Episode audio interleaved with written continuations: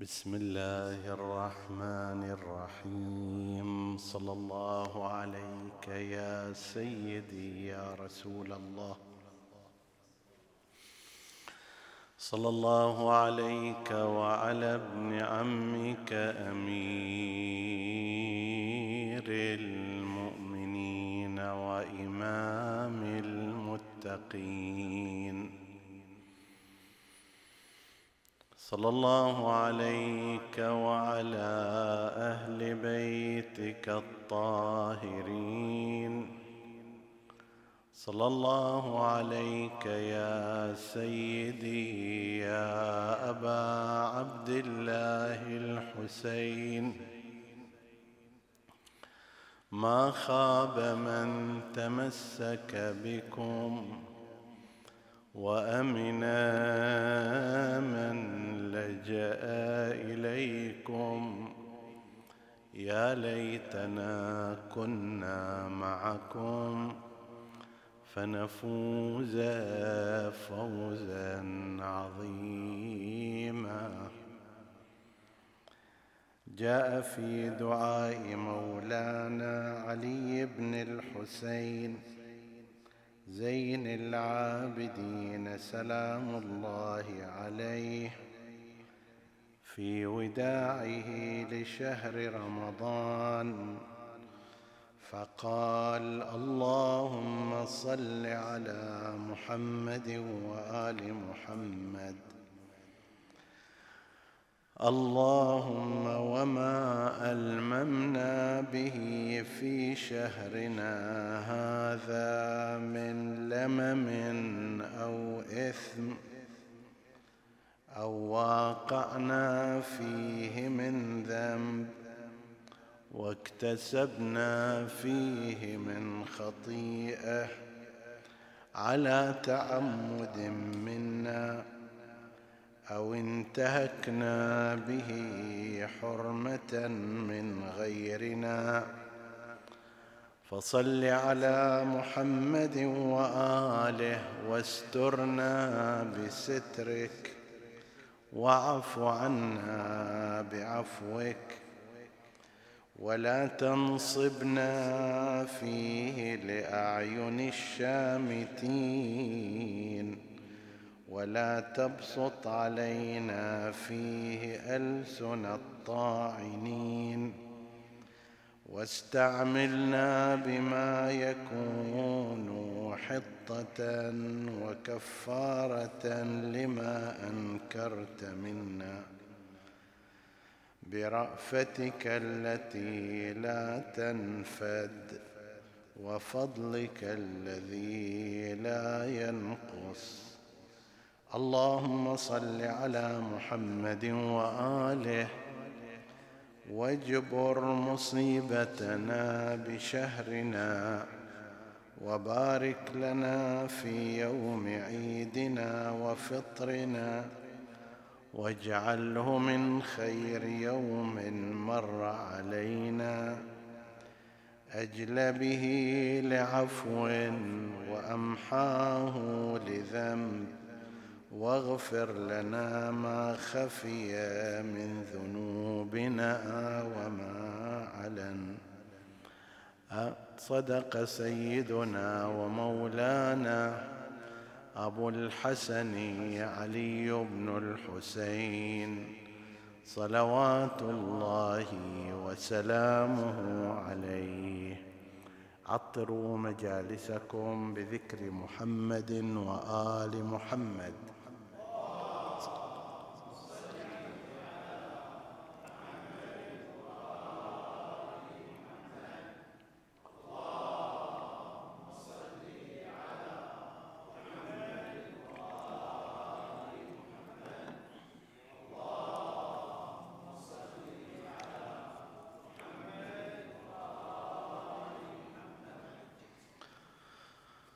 انتهى هذا الشهر الكريم ولم يبق فيه إلا صبابة كصبابة الإناء وفي طرفة عين بينما كان المؤمنون ينتظرون هلاله ها هم يترقبون هلال المفارقة. وعيد الفطر. بالفعل كانت أياما معدودات ما لبث الإنسان فيها أن بدأ حتى تصرمت وانقضت.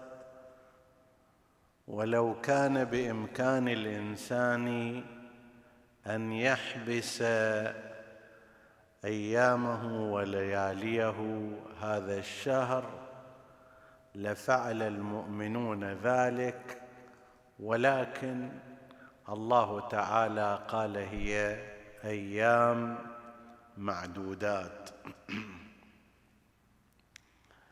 تشير إلى أن عمر الإنسان هو هكذا.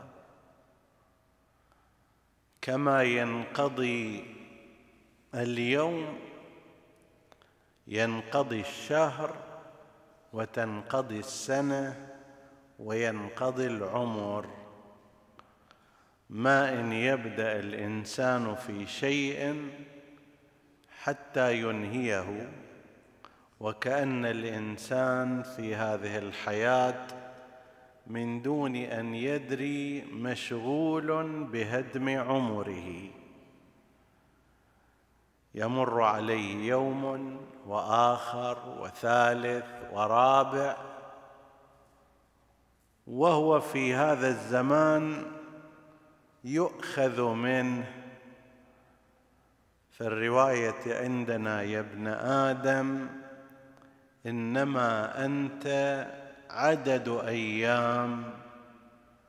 فإذا مضى يومك فقد مضى بعضك. لو تصورت مثلا أنك مشكل من خيوط خيوطك هذه هي أيام عمرك.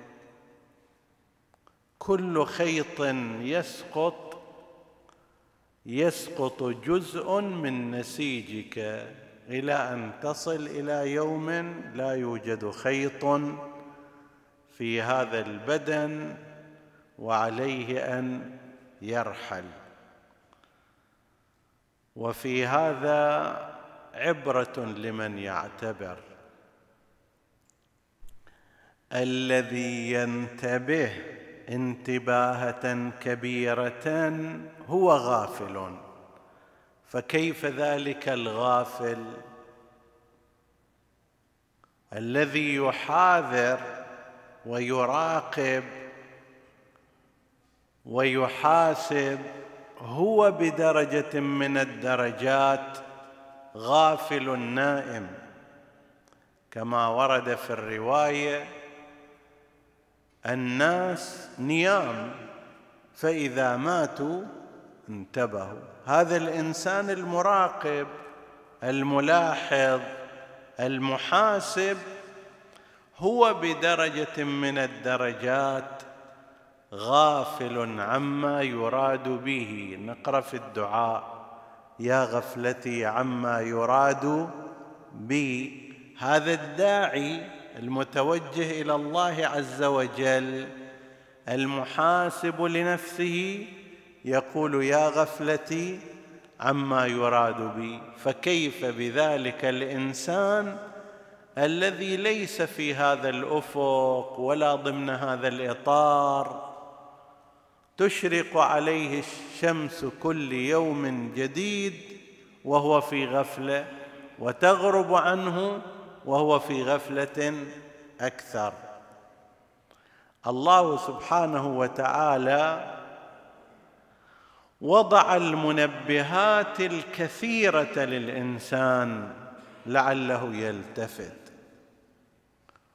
وضع في الطبيعة التغير هذا من الصباح طلوع الشمس إلى يوم ثاني يمر بطلوع الشمس ثم ارتفاعها ثم انتصافها في وسط النهار ثم ميلانها تدريجيا نحو الغروب ثم غيابها وحلول الليل. وهكذا حتى يبين إلى الإنسان التفت ترى هذا اليوم قاعد يمشي والزمان قاعد يروح. ربما لو مثلا كان الإنسان طول وقته نهار طول وقته ليل لا يلتفت. لكن هذا التغير في زمانه فيما يمر عليه ينبغي أن يكون منبها له. كم مضى من الوقت؟ كم ذهب منه؟ كنا في الصباح أصبحنا في العصر. بعد العصر جاء الليل ثم الفجر وعلى هذا المعدل. وحركة الأشهر أيضا كذلك وحركة السنوات أيضا كذلك. نفس التغيير في شهر رمضان. هو نوع من التنبيه. ربما إذا لم تكن هذه المناسبات لم تكن هناك منبهات للإنسان يظل سادرا فجعل له في الزمان طريقة ينبغي أن لا يغفل فيها. ثم جاء إلى بدنه وجعل فيه منبهات حتى لو تجاهلها تفضحه. خلى إلى مدة زمان عنده شعار أسود علامة الشباب والقوة. حتى إذا انتصف عمره خلطه بالبياض. إذا البارقات البيض يقول الشاعر. إذا البارقات البيض هذه الشعرات البيضاء التي تتسلل إلى وجهك وإلى بدنك. إذا البارقات البيض لاحت بمفرق فهن لمحتوم الفناء قرائن. ترى توديك في طريق آخره أنك تذهب من هذه الدنيا. فالتفت تدارك تأمل احسب حساباتك كم بقي لك من المسافة؟ وكم بقي عندك من الوقود؟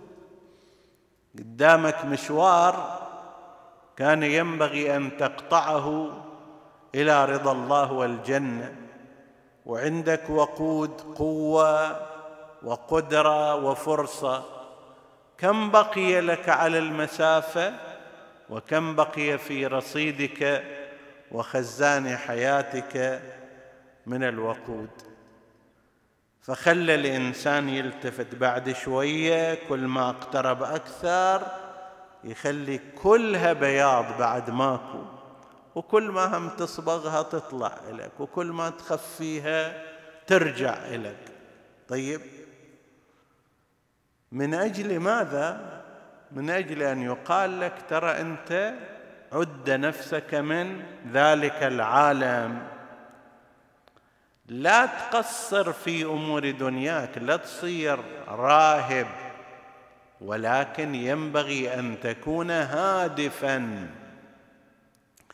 الهادف لا يسهو. سائق السيارة إذا كان عنده مشوار وعنده مقدار محدد من البنزين كل شوية يلاحظ ما يمشي مغمض عينه يحتاط إلى نفسه. كذلك بالنسبة إلى الإنسان العاقل الحكيم في أمر حياته. شهر رمضان بدأ ونحن على وشك إنهائه. حسب ما يظهر من الأخبار غدا هو آخر يوم من أيام هذا الشهر المبارك وبدءا من غروب يوم غد تنشال السفرة. تلك المائدة المبسوطة من أول شهرك من أول شهرك وشهر الله. تلك الدعوة التي وجهت إليك انتهت خلص قاعد على السفرة طيلة ثلاثين ليلة يكفي هذا المقدار.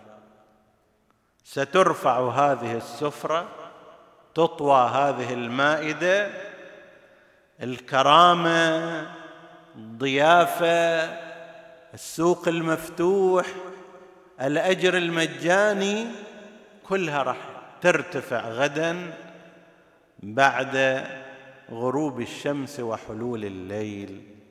نسأل الله أن يجعلنا من خير عباده نصيبا في هذا الشهر الكريم. اللهم إن كنت قد رضيت عنا فيما مضى من شهر رمضان فازدد عنا رضا. وإن كنت لم ترض عنا فمن الآن فارض عنا. أعوذ بجلال وجهك الكريم أن ينقضي عنا شهر رمضان أو يطلع الفجر علينا من ليلتنا هذه ولك قبلنا تبعة أو ذنب تعذبنا عليه. زين أن الإنسان أيضا فيما بقي من هذا الشهر يلح في الدعاء يلح في المناجات. ماكو فرصة بعد خلاص. ربما قبل أربع خمس ليالي إذا واحد يقول الليلة ما صليت ليلة باكر جاية. ما قرأت قرآن عندي فرصة. ما قرأت دعاء عندي أيام. الآن ماكو بعد خلاص ما باقي إلا هذه الليلة ويوم غد. ثم بعد ذلك يعود كل شيء كما كان. هاي السوق العظيمة الكبيرة المزدهرة سوق الرحمة المفتوحة ستغلق من يوم غد. نعم تبقى السوق العادية رحمة الله الموجودة في سائر الأشهر. لكن هذه السوق الاستثنائية ترفع كلها تغلق كلها. حتى الإنسان يخلي في باله ترى الأعمار هي فرص. والزمان ينقضي والعمر إذا لم تبادره بادرك الأجل. فنسأل الله سبحانه وتعالى أن لا يخرج هذا الشهر إلا بإخراجنا من ذنوبنا وبعتق رقابنا من النار. وبالفوز بالجنة. لعله إحنا يا إلهي لا نستحق. المتكلم يتكلم عن نفسه. قد لا نستحق. قد لا نستحق. أنا لا أستحق. الحاضرون إن شاء الله لديهم استحقاق.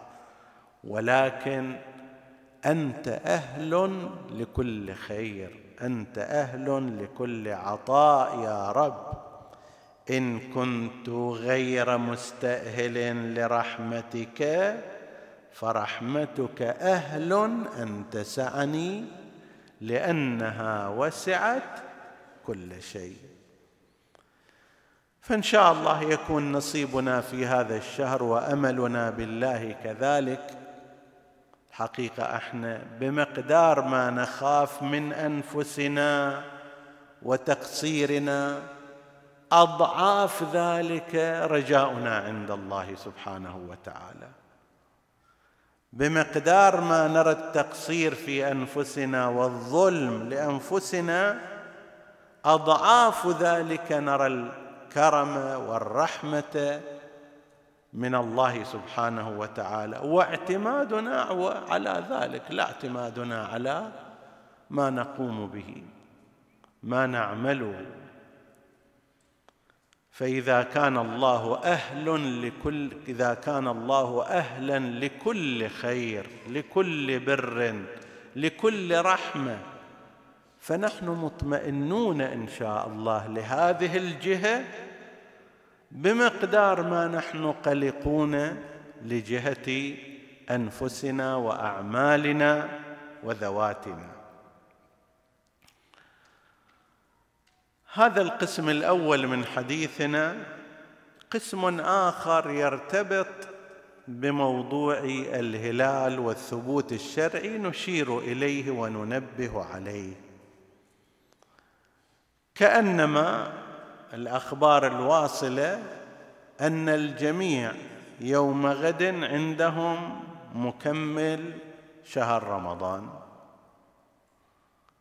وبالتالي مراجع التقليد في من عرفنا سواء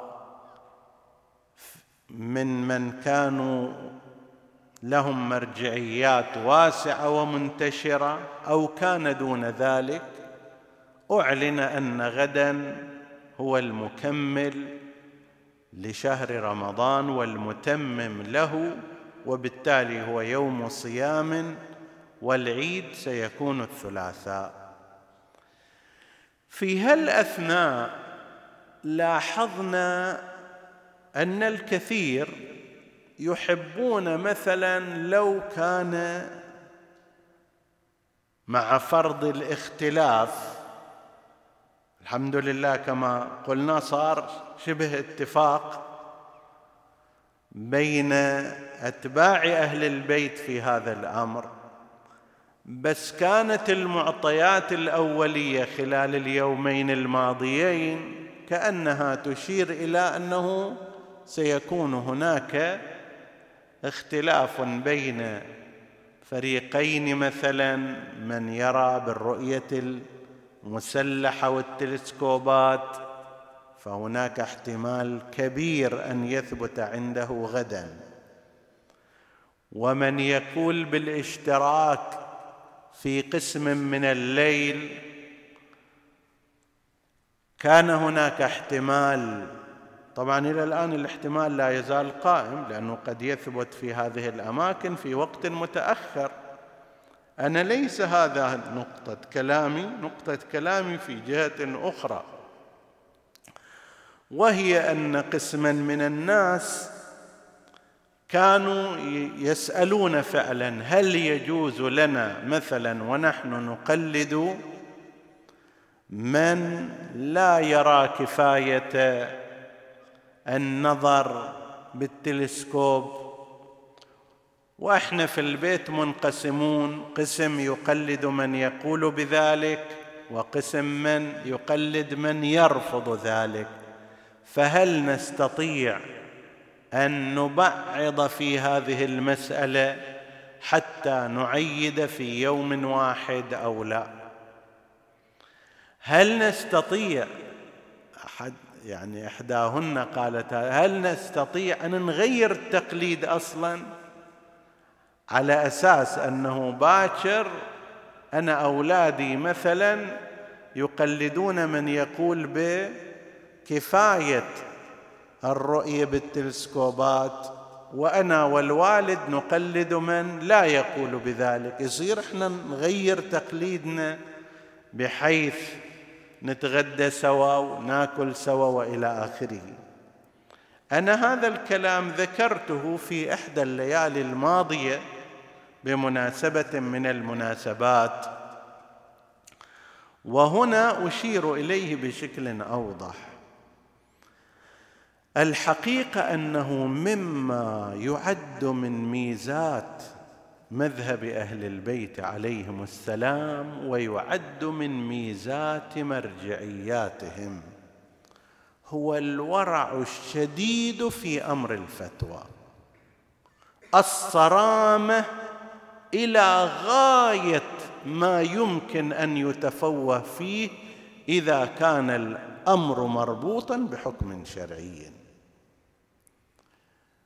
هذا ليس تعصبا ليس تحجرا هذا ثبات على الدليل.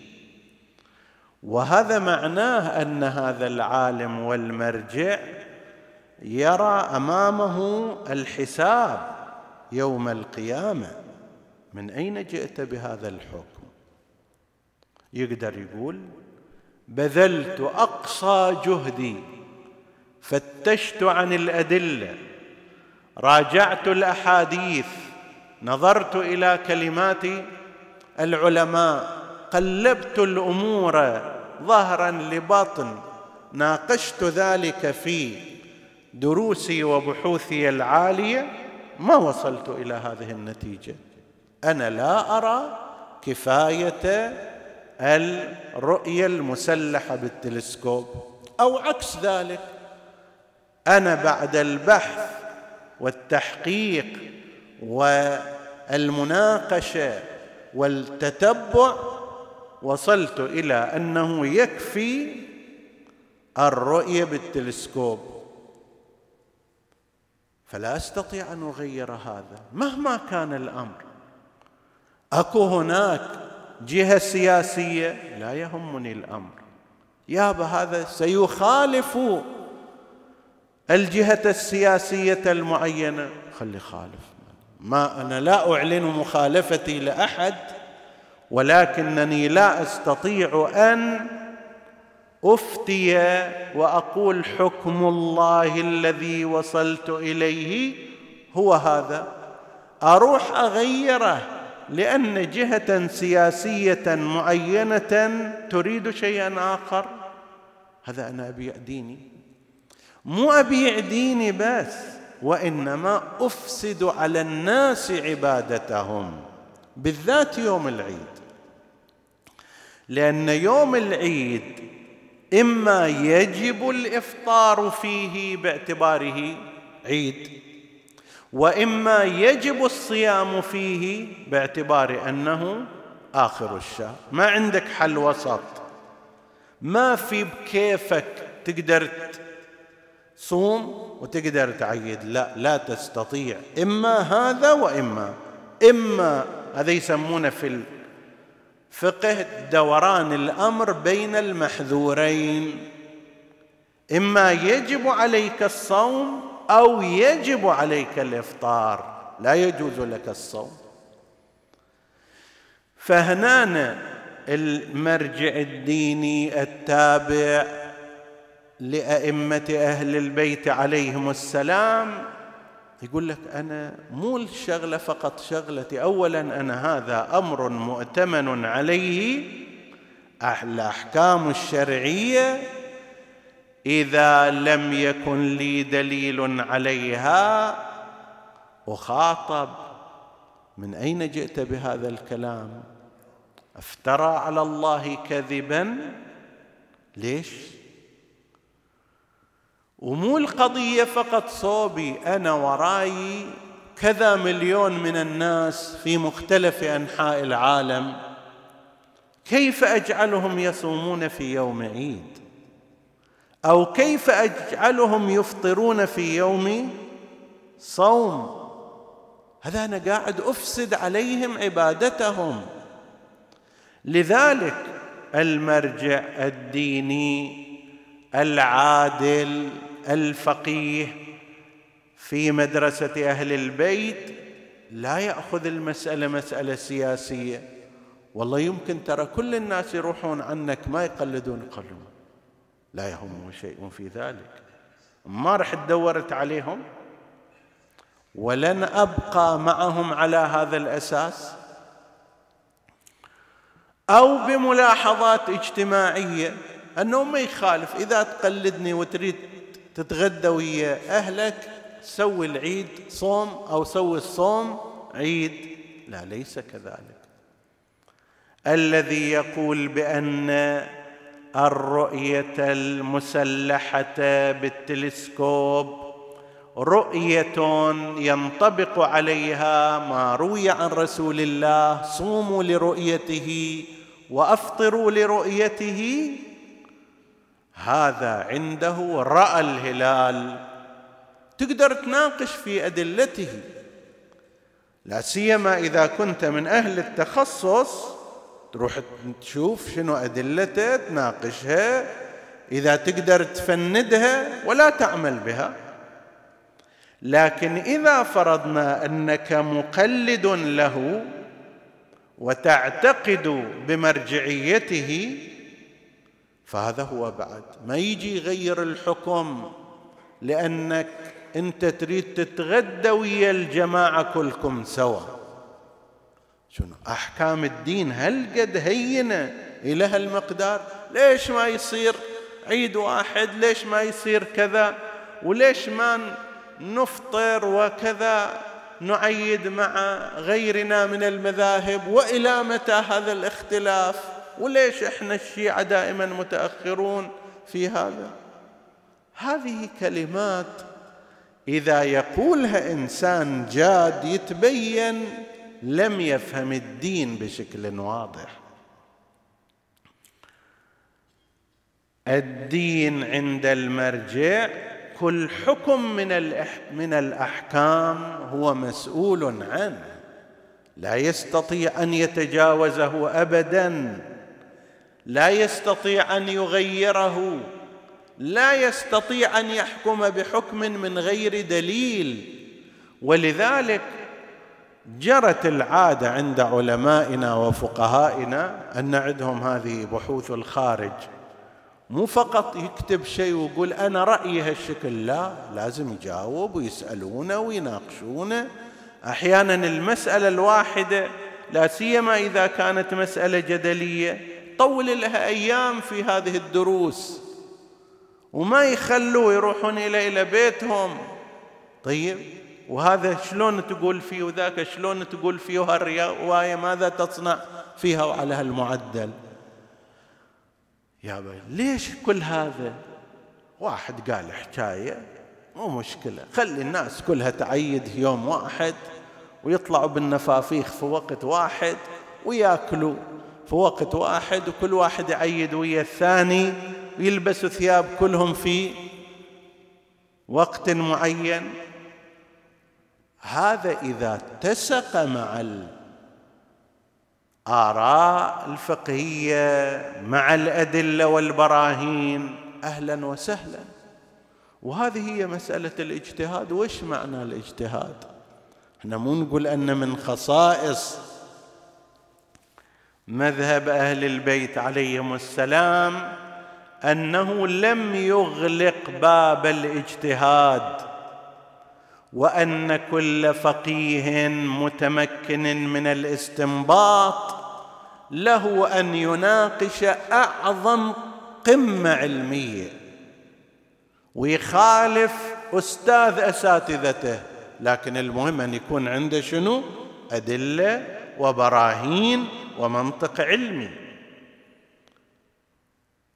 ربما غيرنا ليس هكذا. غيرنا وضع سياسي معين وضع اجتماعي معين مؤسسات خاصة. الأزهر غير ذلك خلاص. قال اليوم الكذائي هو عيد. سائر الناس ما لهم شغل. بالنسبة إلينا في مذهب أهل البيت ما دام باب الاجتهاد مفتوح هذا سيبقى ولن ينتهي.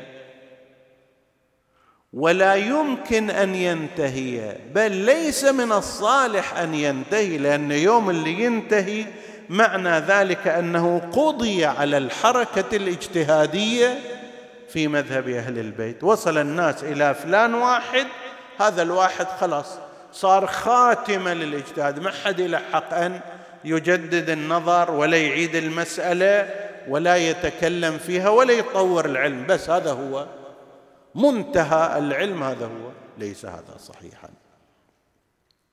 فهذه نقطة مهمة نحن نراها ونعتقد أنها من مميزات هذا المذهب من مميزات هذه الطائفة ليست مصدر قلق ولا مصدر تبرم بالعكس لازم تكون مصدر افتخار وتشرف وعظمة.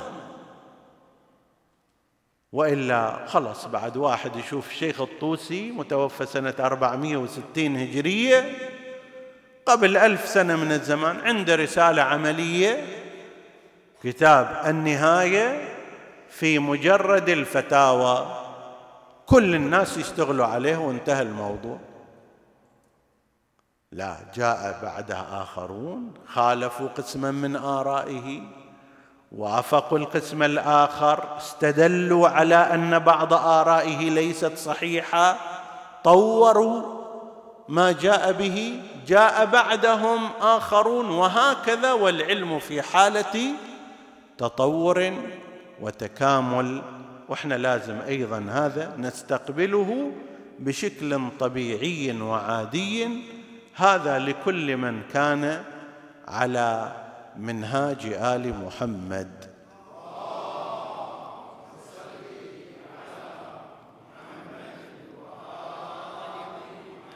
يبقى عندنا بعض المسائل في قضية زكاة الفطرة وهي بحمد الله معروفة لأكثر المستمعين ولكننا نذكر بها فذكر فإن الذكرى تنفع المؤمنين. زكاة الفطرة كما هو معروف من الواجبات الشرعية على كل المسلمين. كأن سنة تشريعها كان في سنة اثنين للهجرة. يعني شرعت في المدينة المنورة في السنة الثانية للهجرة.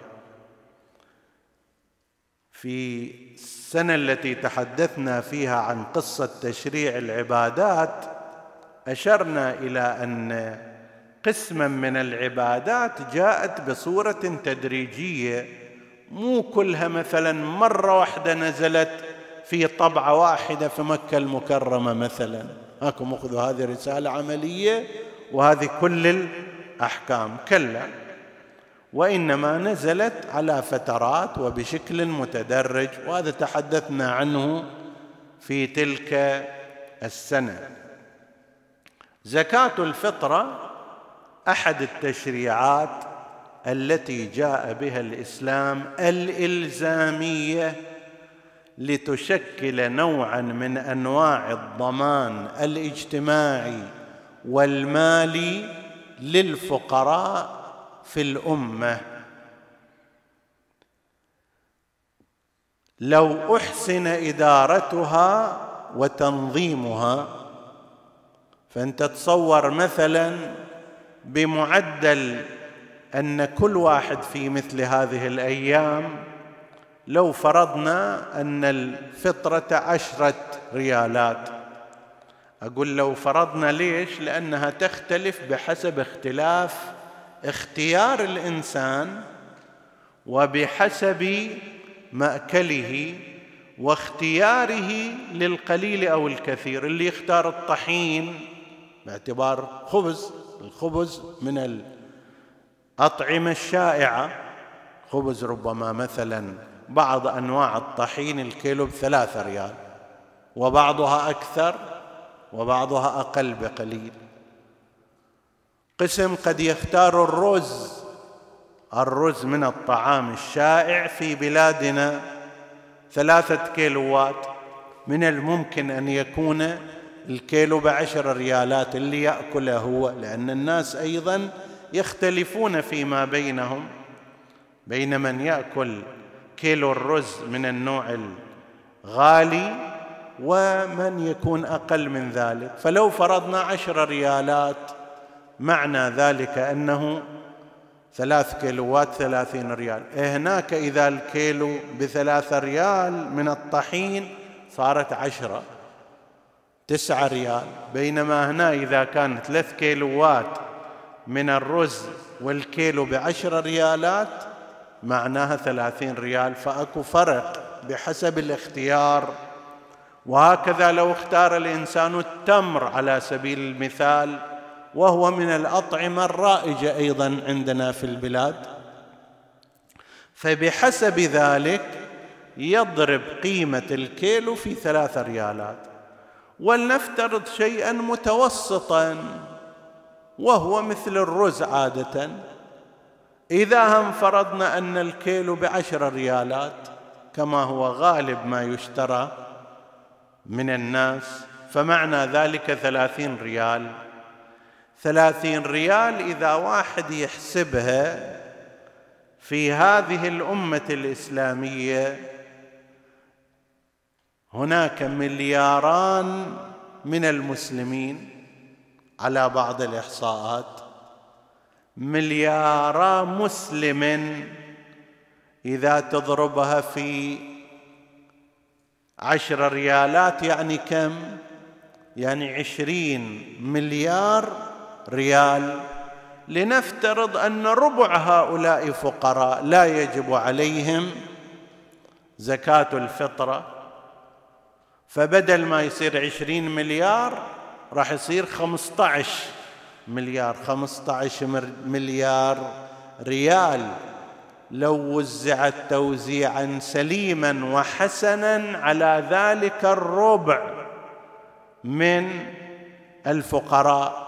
اللي يستلمون لأنه إما واحد فقير يستلم الزكاة ولا يجب عليه أن يدفع واحد ليس بفقير يجب عليه أن يدفع. 15 مليار ريال لو فرضنا أنها تنقسم على هذا العدد من فقراء الأمة لصنعت شيئا كثيرا هذا بالنسبة إلى سنة واحدة. فما ظنك إذا كانت سنوات؟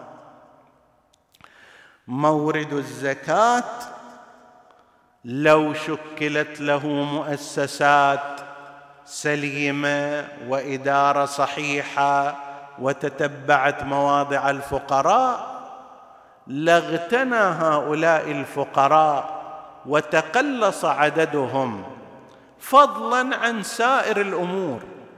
يعني لو صارت مؤسسة على هالمستوى تستلم زكاة الفطرة. وتستلم أيضا إطعام ستين مسكين.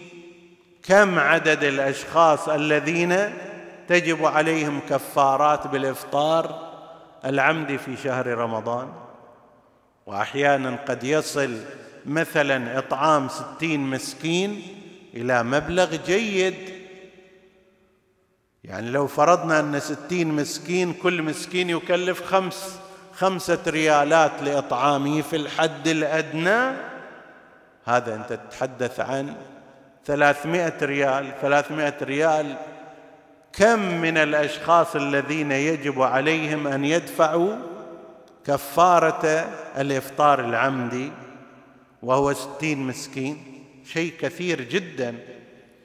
فهذا من أنحاء الضمان التي جعلها الإسلام للمسلمين أن يكون هناك إنتاج ذاتي ما يحتاج الإنسان المسلم والأمة المسلمة أن تأخذ من الغربيين والشرقيين مساعدات. هي نفس الأمة المسلمة. إذا كان فيها لا سمح الله من يعصي فهذا تنتظره الكفارات. كفارة التضليل وكفارة الإفطار المتعمد وكفارة ما أدري الظهار والمماسة وكفارة كذا وكذا كثير. وإذا لا الحمد لله الكل صار خوش آدمي حسب التعبير. ما عندهم كفارات. مع ذلك أيضا هذا الضمان لا يزال موجودا بزكاة الفطرة. زكاة الفطره تختلف عن الزكاة العامة. بأن الزكاة العامة نصوبها الزكوية غير موجودة لأكثر الناس. الان أنت عندك مثلا إبل؟ ما عندك إبل. زين إذا شايفها في بعض الأيام. عندك بقر؟ ليس عندك. عندك غنم؟ ليس عندك. عندك مزارع ونخل؟ كذلك. عندك شعير كذلك حنطة نستورد.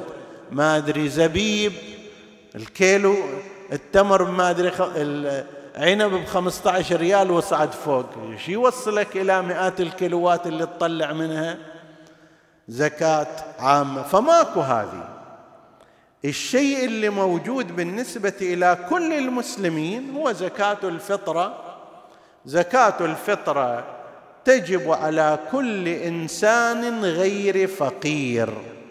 الفقير في الشرع هو من لا يمتلك مؤونة سنته لا بالقوة ولا بالفعل لا عنده رصيد في البنك ولا عنده عمل يشتغل بشكل يومي أسبوعي شهري ويستلم على أثر ذلك راتب.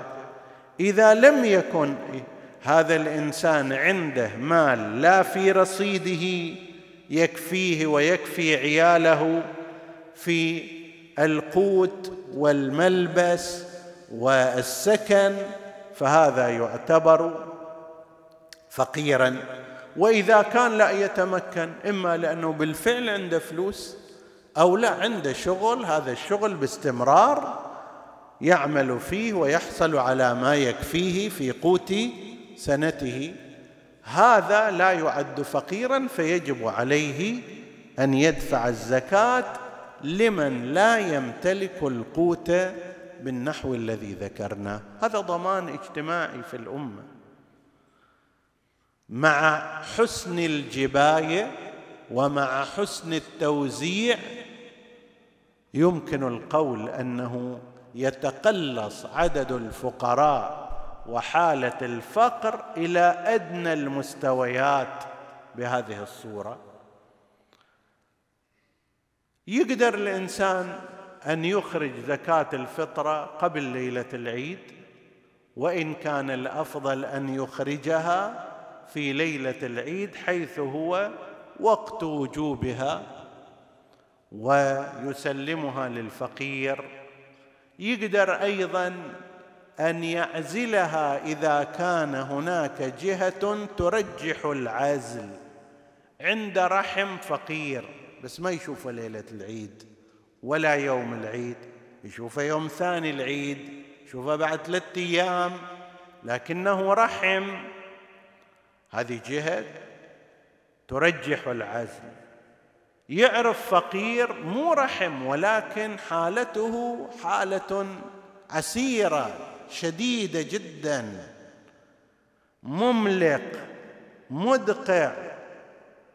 ينتظر مثل هذه الزكاة ولكن لا يصل إليه في ليلة العيد. خلي يخليها على جنب ويعتبرها زكاة فلا يتصرف فيها بعد ذلك. حتى بمستوى تبديلها من نوط واحد إلى أنواط. نفترض زكاته وزكاه عياله لأنه يجب على الإنسان أن يخرج الزكاة عن نفسه وعمن يعول. رجل عنده أبناء عنده بنات يجب أن يخرج عن نفسه وعنهم أيضا وهم ما يطلعون. إذا كان هو الذي يعولهم. أما لو كان كل واحد مستقلا لا يعوله أبوه سواء كان متزوج أو غير متزوج متزوج عادة هو مستقل في نفقاته. لا حتى إذا كان غير متزوج يسكن في البيت ولكن أكلة وشربة ولبسة امور حياته لا يتحملها والده وإنما هو الذي يتحملها هنا يجب عليه هو أن يدفع.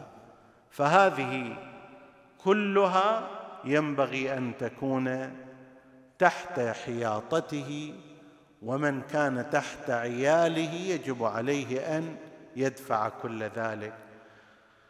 طبعا لما إنسان يتحدث في عن زكاة الفطرة لا ينبغي أن يقتصر الإنسان على هالمقدار ويهتم فيه زايد وبعد ذلك لا. ذكرنا في ليلة مضت حول دعاء رسول الله صلى الله عليه وآله لذكره صلوا عليه.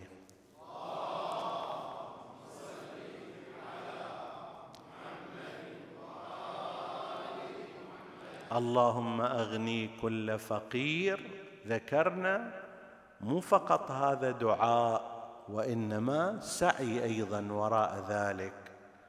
وهذا أمر واجب.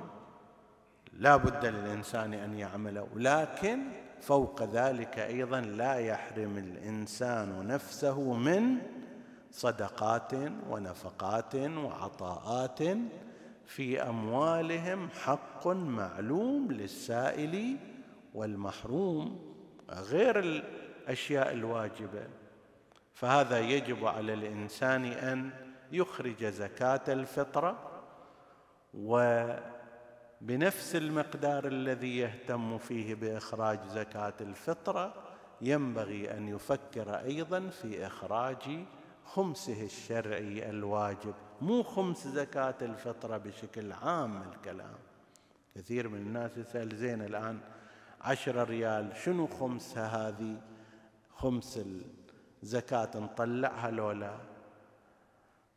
أولا قسم من العلماء يقولون أنه ما دامت من نفقات نفس السنة فلا يحتاج إخراج خمس زكاة الفطرة إلا إذا كان من مال مجمع ومر عليه سنوات وأنت الآن تريد تطلعه بس هذا لازم يكون للمنبه للإنسان أنه القضية مو بس وقت العمرة واحد يطلع. خمس العمرة. وقت زكاة الفطرة يطلع خمس زكاة الفطرة. باقي الأشياء شلون؟ نفقاتك في صلاتك. ليس الخطاب للحاضرين أو السامعين فإنهم الحمد لله أعلى من هذا المستوى. وإنما خطاب فرضي ماذا يصنع الإنسان في صلاته؟ يصلي في ملابس ربما كانت من أموال وجب فيها الخمس. ماذا يصنع في سائر عباداته في مكانه الذي يسكنه في غير ذلك من الأمور؟ العاقل الملتزم يفكر أنه ما دام هناك حق لله عز وجل فهذا لا يقتصر الأمر فيه فقط على زكاة الفطره ولا على وقت روحة العمرة ولا وقت إحرام الحج طيب وإنما في كل حياة الإنسان. نسأل الله سبحانه وتعالى أن يوفقنا وإياكم لأداء الواجبات والقيام بالعبادات وأن يعيد علينا هذا الشهر المبارك ونحن في خير وعافية وسعة رزق وأمن وأمان وإيمان بحق محمد وآل محمد.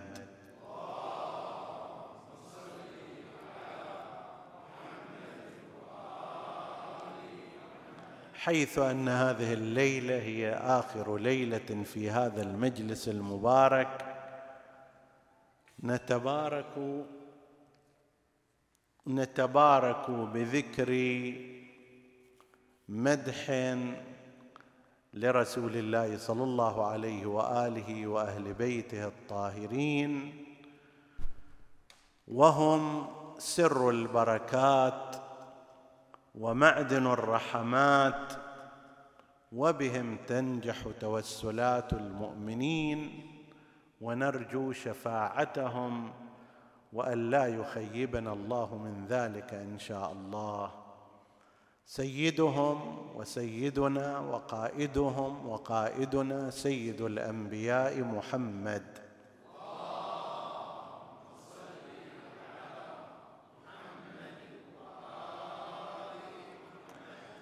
فاق النبيين فاق النبيين في خلق وفي خلق. ولم يدانوه في علم ولا كرم.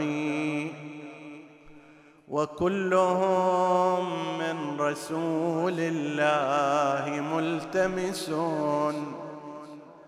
غرفا من البحر أو رشفا من الديم.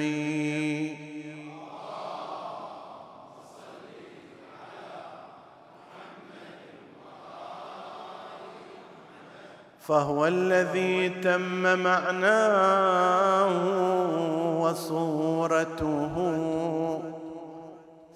اجتباه نبيا بارئ النسم منزه عن شريك في محاسنه. كما أن الله منزه عن الشركاء النبي منزه عن شريك في محاسنه يعني النسخة الفريدة. منزه عن شريك في محاسنه. فجوهر الحسن فيه غير منقسم.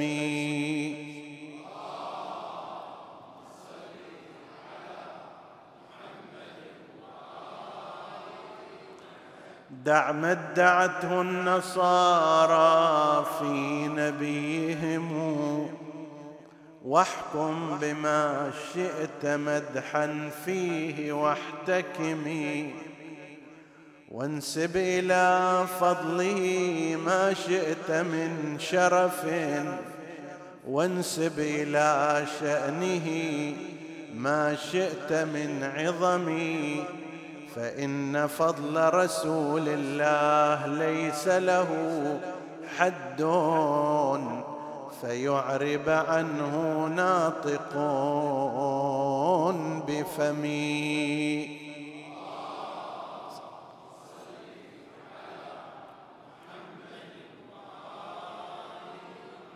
وأما مولانا أمير المؤمنين سلام الله عليه ولايتي لأمير النحل تكفيني عند الممات وتغسيلي وتكفيني وطينتي عجنت من قبل تكويني بحبه كيف نار الحشر تكويني.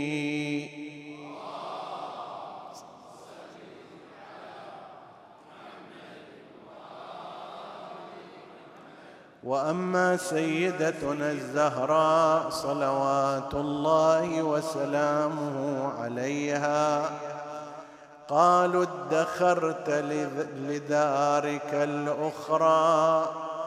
زادا فقلت ذخرت لي ذخرا. قالوا وهل يكفيك؟ قلت لهم يكفي الورى طرا. قالوا وماذا الزاد؟ قلت لهم إني ادخرت محبة الزهراء.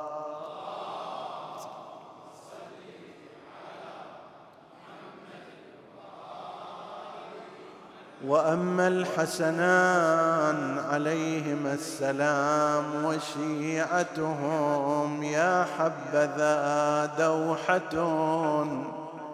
في الخلد نابتة ما مثلها نبتت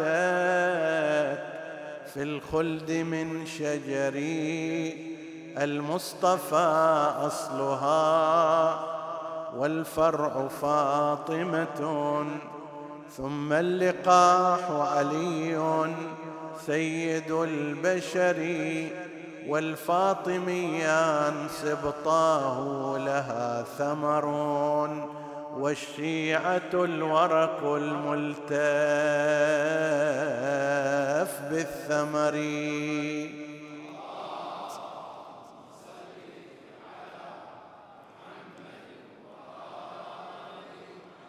اللهم صل على محمد وآل محمد. اللهم إنا نسألك بالحسين الوجيه وجده وأبيه وأمه وأخيه والتسعة المعصومين بنيه.